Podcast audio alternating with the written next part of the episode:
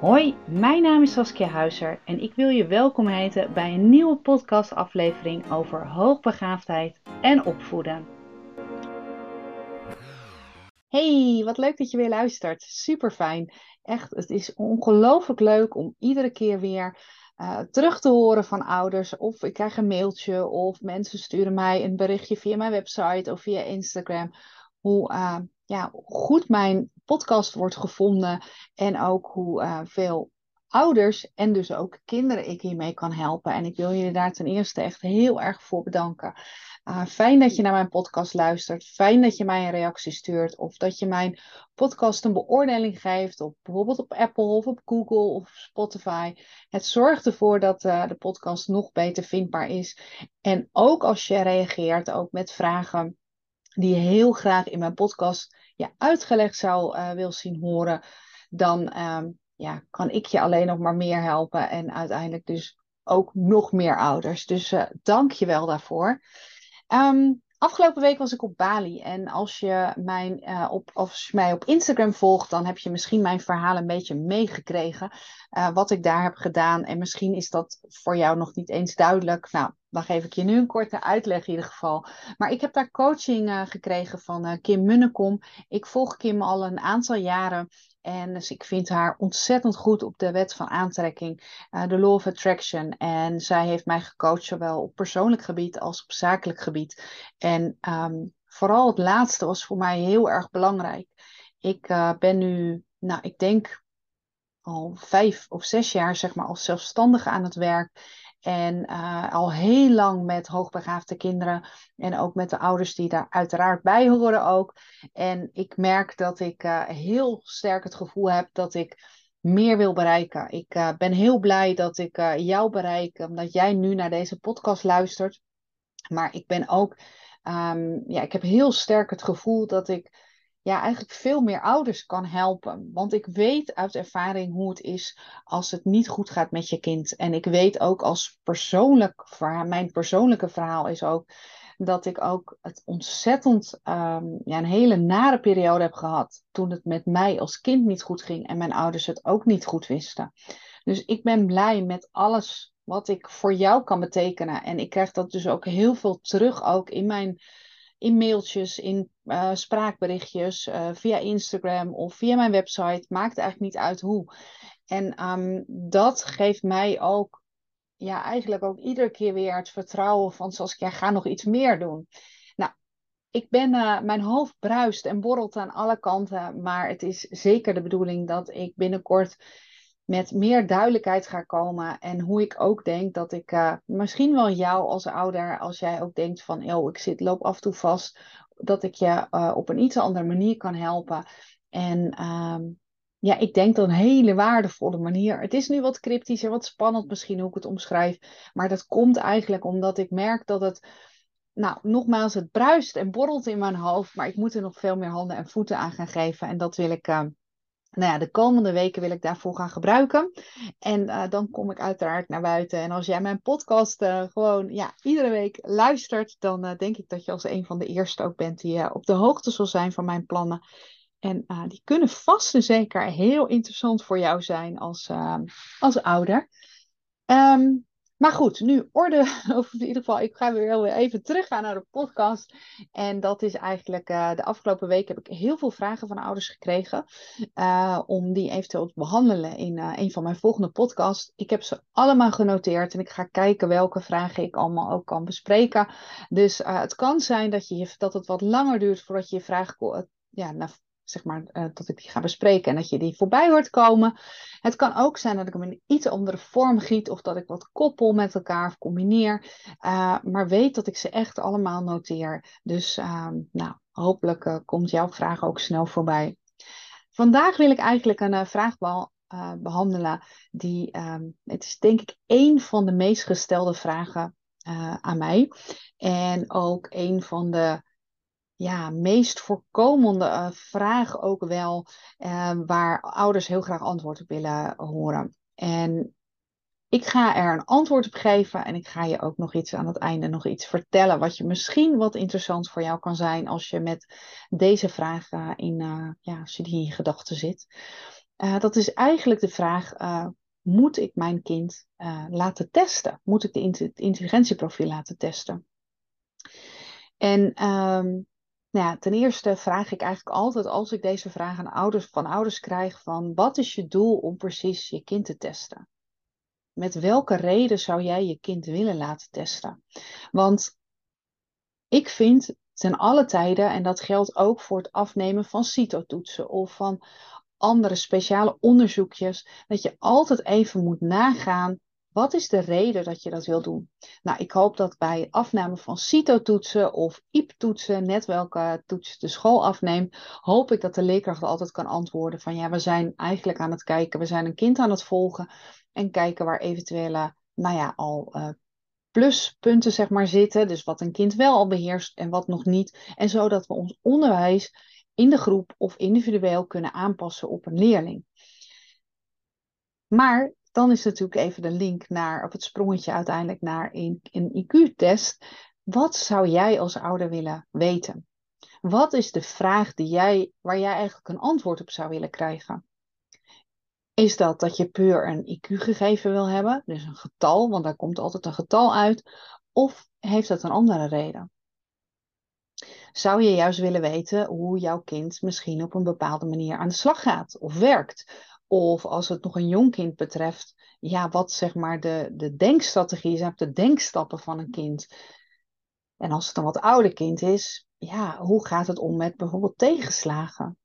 Er zijn heel veel punten en manieren en vragen die je jezelf kunt stellen op het moment dat je hierover nadenkt.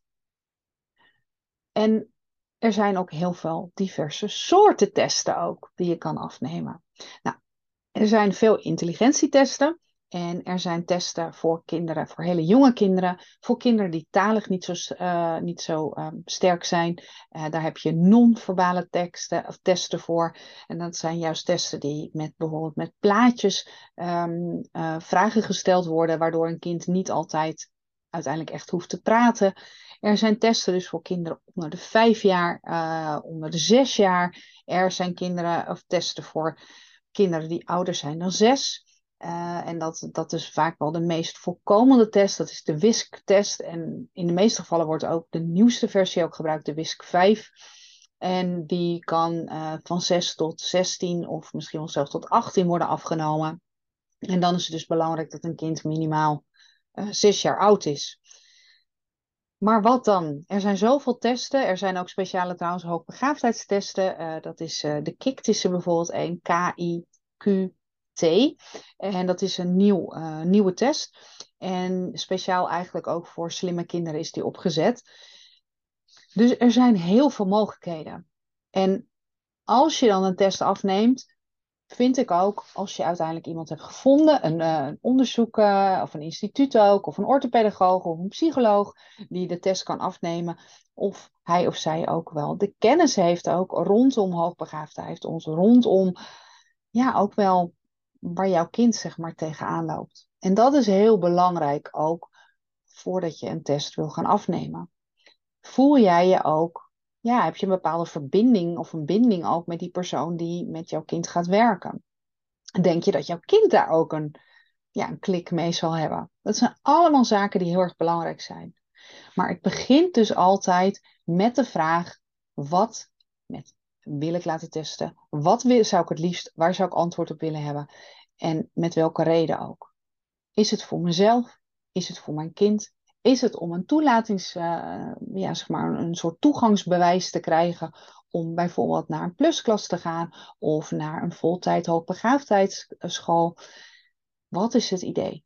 En ik zou je eigenlijk ook willen adviseren als je wel eens hierover nadenkt, om dit ook echt even op te schrijven en te laten bezinken voor jezelf van het idee erachter. Als je dat ook beter weet, dan kun je dat ook beter aangeven, ook als je uiteindelijk besluit om een test te laten afnemen bij de persoon ook die de testafnemer ook zal zijn tijdens die, dat onderzoek. Um, ik neem zelf geen intelligentietesten af. Dat, die vraag wordt heel vaak aan mij gesteld. Saskia, kun jij dit doen? Uh, nee, dit kan ik helaas niet. Uh, ben ik ook niet van plan ook om dat te gaan doen. Ik wil dat heel graag ook bij ja, bij een aantal collega's laten die hier echt nou ja, heel erg de diepte in zijn gegaan met hun kennis ook. En die heel goed weten hoe zij ook uiteindelijk een kind aan kunnen zetten als bijvoorbeeld jouw slimmerik misschien al een tijdje ja, uitgecheckt is, eigenlijk gewoon niet meer zo goed weet hoe zij moet, hij of zij moet reageren, die niet zo graag meer wil leren misschien ook. En dat laat ik dus echt over aan, uh, nou ja, aan mijn collega's. Um, schoenmaker blijft bij je lees, zeg maar. En ik denk dat, ik, uh, dat mijn kwaliteiten echt op een ander gebied liggen.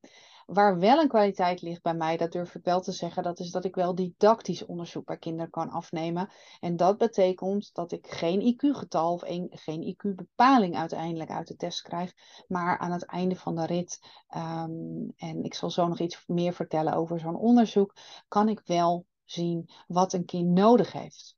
Ehm, welke ja, belemmerende en ehm, eh, stimulerende of ja, eigenlijk uh, positieve uh, overtuigingen een kind zeg maar heeft om daarmee verder te gaan. En um, welke belemmeringen zijn er dus en welke, nou ja, kwaliteiten. En die kan ik heel goed in kaart brengen. En ook in combinatie ook met wat een kind dan nodig heeft, ook op de basisschool. Ik zeg er bewust bij basisschool, want ik neem deze test vaak af bij kinderen in de leeftijd, nou op z'n vroegst eigenlijk, uh, als ze zeven jaar zijn, het liefst vanaf groep vier uh, tot en met groep acht.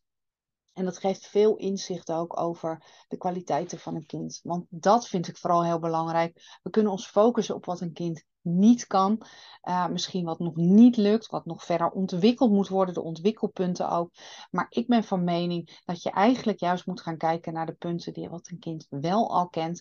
En dat je die moet gaan uitvergroten, zodat de, de, ja, eigenlijk de belemmeringen uh, niet zozeer een niet gaan vallen, want dat uh, zou de laatste zijn die dat zou zeggen, maar wel uh, waardoor je een kind in kracht kan zetten en misschien juist wel door die positieve vibes de minder goede ervaringen en minder goede vakken of resultaten daardoor wat minder op de voorgrond komen te staan. Veel hoogbegaafde kinderen of kinderen met de ontwikkeling voorsprong, die zijn heel snel onzeker, want die verwachten van zichzelf enorm veel. Um, de lat ligt enorm hoog vaak. Dat kan uh, door jou als ouder ge gelegd of zeg maar zo neergezet worden. Het kan ook zijn dat het vanuit school is, vanuit familie, vanuit vrienden, maar ook vanuit het kind zelf. En hoe fijn is het dan dat je daar eigenlijk iets minder op gaat focussen, maar dat je kind wel in zijn of haar kracht blijft staan en uiteindelijk weet hoe hoe hij of zij dit ook kan aanpakken. En daardoor juist in een soort flow komt. En misschien wel die ontwikkelpunten juist uh, verder gaat ontwikkelen. En dat het uiteindelijk niet eens meer echt ontwikkelpunten zijn, maar zelfs nog talenten gaan worden. Want dat zou natuurlijk super mooi zijn. Nou, die, didactisch onderzoek wat ik dus afneem, dat doe ik met verschillende uh, onafhankelijke uh, testen.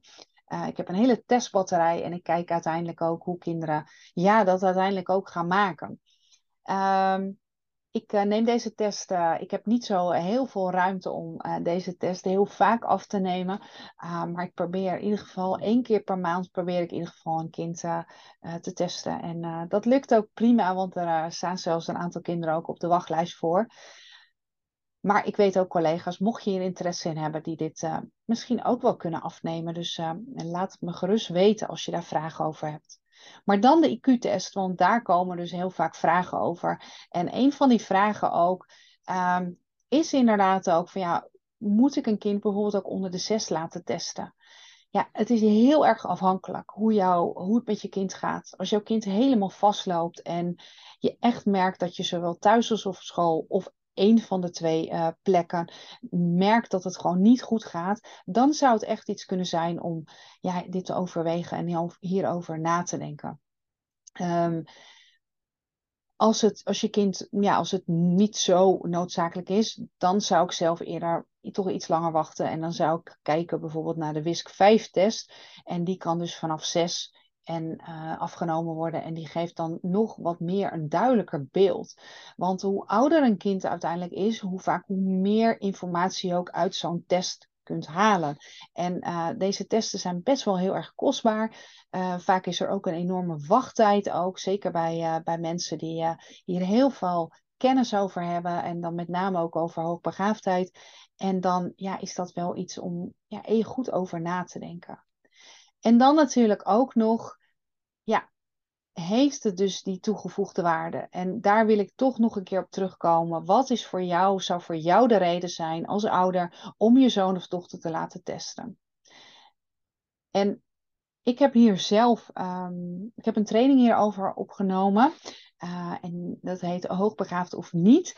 En die uh, sluit eigenlijk aan ook bij mijn e-book. Ik weet niet of je mijn e-book wel eens hebt gelezen, maar daarin staan allemaal ja, eigenlijk kenmerken op als jij twijfelt of je kind hoogbegaafd is, ja of nee. Het is niet dat dat boek meteen uh, zegt van ja, jouw kind is hoogbegaafd, want dat kan echt alleen maar door, de, door een IQ-bepaling, door een vaststelling daarvan. Uh, maar je kunt wel daar de kenmerken al heel erg uithalen. Uh, mocht je daar interesse in hebben, ga even naar mijn website www.saskiahuizen.nl en ga even naar het kopje gratis en e-book.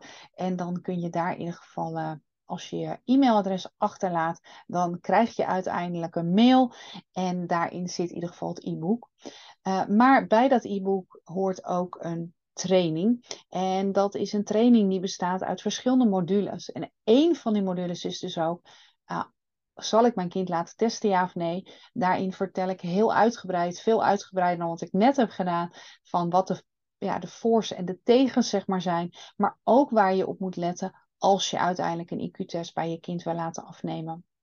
En dat is denk ik heel erg belangrijk uh, om daar uh, echt even wat aandacht aan te besteden. En ik heb al in een eerdere podcast, want dit onderwerp is al vaker in een podcast besproken, heb ik namelijk bijvoorbeeld ook aangegeven dat de test bij mijn eigen kind uh, is in eerste instantie door uh, iemand gedaan die heel veel kennis heeft, ook in het onderwijs, heel veel ervaring uh, ook heeft, maar wat minder op het gebied van hoogbegaafdheid. En uh, mijn zoon die dacht meteen, ja, wat is dit een makkelijke test? Hè? Veel te makkelijk. Nou, moe, ik geef maar wat antwoorden en ik heb niet zoveel zin om hierover na te denken, want ja, echt kraken van mijn hersenen, nou, dat gebeurt niet echt. En dat vertelde hij ook heel erg leuk ook aan zijn jongere broertje. Uh, hoorde ik de volgende dag terwijl ik in de keuken stond. En toen zei hij, nou, die test, ik weet het niet hoor. Ik heb zomaar wat, inge of zomaar wat gezegd. En dat uh, was ook wel te zien ook aan de testuitslagen. Want ik herkende mijn kind er eigenlijk helemaal niet in. En ja, toen is hij na een, uh, na een ruim een jaar is hij nog een keer getest. Hij heeft wel trouwens toen wel een andere intelligentietest gedaan. Want je mag niet een uh, intelligentietest binnen een bepaalde periode nog een keer doen vanwege het herhalingseffect. Een kind kan namelijk dingen onthouden. En ja, is het dan nog representatief als het weer het goede antwoord weet? Uh, dus daar moet minimaal een periode tussen zitten. Dat was bij mijn zoon niet het geval, want hij uh, had eigenlijk, hij kreeg een andere test. En toen kwam er een heel ander um, ja, getal ook uit. Uh, hij werd namelijk echt enorm gestimuleerd door een uh, hoogbegaafdheidsspecialist. En hij uh, kwam thuis eigenlijk ook. En ik heb zo'n blij, ontzettend blij kind gezien. Want hij zei: Oh, ik heb echt iets geleerd, mama, vandaag. En ik uh, mocht echt moeilijke dingen doen. En het waren niet van die dingen dat ik dacht: hmm, wat is dit nu weer? Dus dat maakte het eigenlijk ook heel erg fijn voor hem. En daarnaast kreeg ik ook echt een verslag. En mijn man en ik lezen regelmatig dat verslag nog wel eens door. Gewoon ook om te kijken van, hé, hey, is het nog steeds passend? Of is hij gewoon toch ja, veranderd? Het is namelijk een momentopname, ook een test. En dan uh, zeggen wij heel vaak tegen elkaar, ja, hier kennen, herkennen wij echt ons kind in. En dat is ook heel erg fijn dat je dat als ouder uh, ja, zou kunnen zien. Dus mijn training. En ik zal de link ook even in de show notes zetten. De show notes is eigenlijk, want laatst vroeg iemand aan mij, wat is een show note?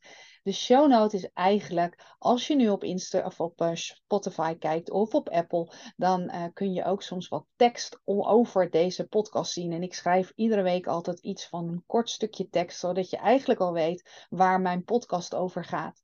En hierin zet ik ook de link uh, mocht je interesse hebben in de training, het is geen dure training, um, dan zou je deze eventueel kunnen aanschaffen. En daarbij zitten nog een aantal hele handige um, modules. Een ervan is bijvoorbeeld van waar kunnen we op letten voor het kiezen van een school. En dan bedoel ik niet alleen de basisschool, maar in het kort wordt ook het voortgezet onderwijs besproken. Het gaat een stukje over mindset ook. En zo zijn er nog een paar onderwerpen ook. Uh, bijvoorbeeld ook de communicatie met school. Hoe kan ik die het beste onderhouden, zodat het voor ons, uh, zowel voor school als voor ons, als voor ons kind, een hele prettige manier is. En dat we ook stappen gaan maken de goede richting op, um, om uiteindelijk een kind nou, te laten bloeien. Want dat is natuurlijk je doel. Althans, dat is mijn doel wel heel erg. Ik uh, wil ieder kind heel erg in, in zijn of haar kracht zetten, net als de ouders, maar ook om uiteindelijk iets te doen aan het zelfvertrouwen en aan het geluk. Dus mocht je daar interesse in hebben, check even dus de show notes en druk op de link en dan krijg je alle informatie in ieder geval over deze training. En dan uh, ga ik deze podcast ga ik, uh, afsluiten. Ik ben heel benieuwd wat je ervan vond. Je mag mij altijd een berichtje sturen. Ik krijg de laatste tijd heel veel berichtjes. Ik ben daar ontzettend blij en dankbaar ook over. Maar het kan wel zijn dat je daardoor nou iets minder snel een reactie van me krijgt. Weet dat ik het altijd lees en dat als even kan ik ook altijd antwoord geef. Maar ehm, ja, ik wil er in ieder geval voor je zijn. Dankjewel voor het luisteren en tot een volgende podcast weer.